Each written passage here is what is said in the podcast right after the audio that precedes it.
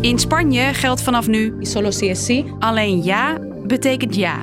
Seks zonder duidelijke toestemming wordt nu als verkrachting gezien en is dus strafbaar.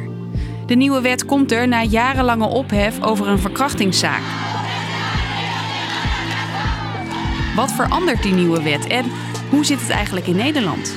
We zijn er echt al twee jaar lang mee bezig en eh, er worden elke keer hele kleine stapjes gezet. Ik ben Hilde en dat leg ik je uit.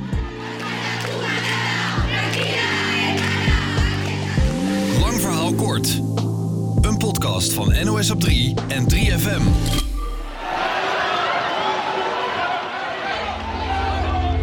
Het is 2016. In de Spaanse stad Pamplona is het traditionele stierenrennen net afgelopen als een vrouw van 18 op weg naar haar auto door vijf mannen een gebouw wordt ingesleurd en verkracht. De daders filmen de verkrachting en delen de beelden in hun groepsapp die La Manada heet. De wolvenroedel. En op die beelden is te zien dat het meisje zich echt helemaal stilhoudt, eh, niet beweegt, niks zegt. Eh, echt een angstreactie. Zegt Maaike Zeeuw van Amnesty International. En toen het uiteindelijk voor de rechter kwam, heeft de rechter gezegd in eerste instantie dat het geen verkrachting was. Omdat er geen dwang of geweld eh, bewezen kon worden. De rechter zag het als seksueel misbruik waar een lagere straf voor staat. Die uitspraak maakte veel los in Spanje. A mí, sinceramente, me da vergüenza que, que todavía estemos Uiteindelijk draaide de hoogste Spaanse rechter in 2019 de uitspraak terug en werden de mannen toch veroordeeld voor verkrachting. 15 jaar cel kregen ze. de la libertad sexual por tener la misma carácter. Nu verandert Spanje dus de verkrachtingswet. Van nee is nee gaan we naar ja is ja. Dus beide personen moeten vrijwillig, gelijkwaardig eh, seks willen. En als eh, iemand het niet wil, dan is het dus geen seks, dan is het verkrachting.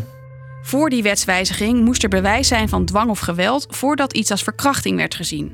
Maar, zegt Maaike, heel vaak is daar helemaal geen sprake van. Uit onderzoek blijkt dat 70% van de mensen die verkracht wordt, eh, bevriest van angst en gewoon ni- niks doet.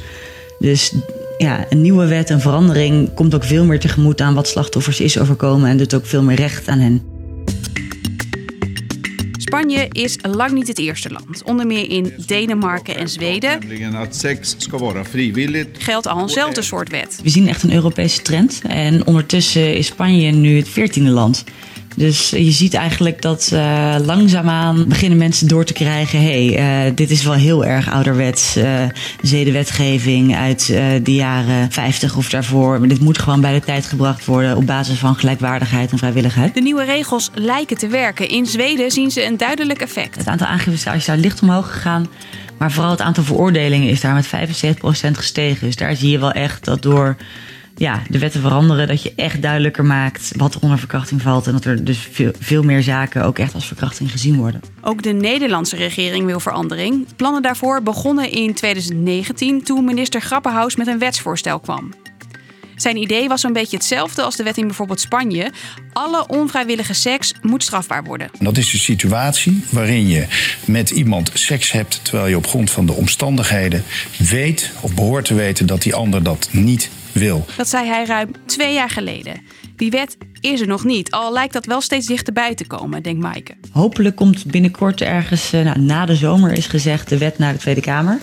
Maar dan zijn we er ook nog lang niet, want dan moet eerst de Tweede Kamer er nog eh, over gaan praten en mee instemmen. De verwachting is dat de nieuwe regels in 2024 ingaan. Het is de vraag of zo'n nieuwe wet alle problemen rond het bewijzen van een verkrachting oplost.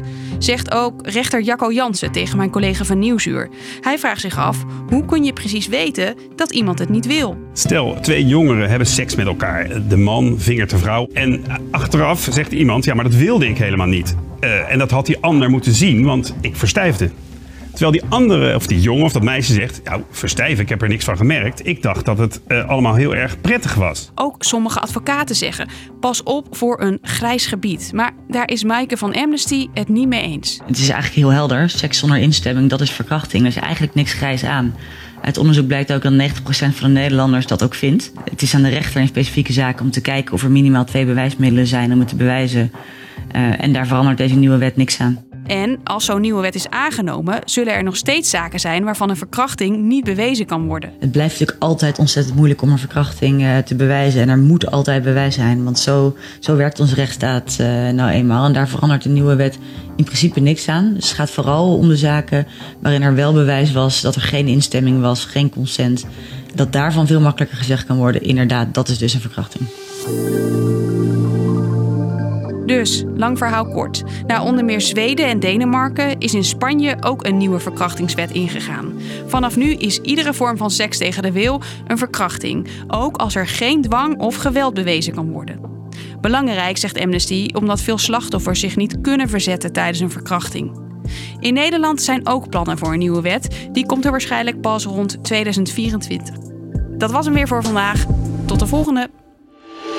3FM. Podcast. Bizarre kleedkamereisen. Artiesten die te laat komen of soms helemaal niet opkomen dagen. Helaas is hij ziek geworden en heeft zijn dokter gezegd dat hij niet kan optreden. Maar niet getreurd, hij komt woensdag weer terug.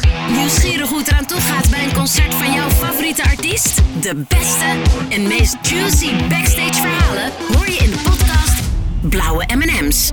Via de 3FM app of jouw favoriete podcastplatform.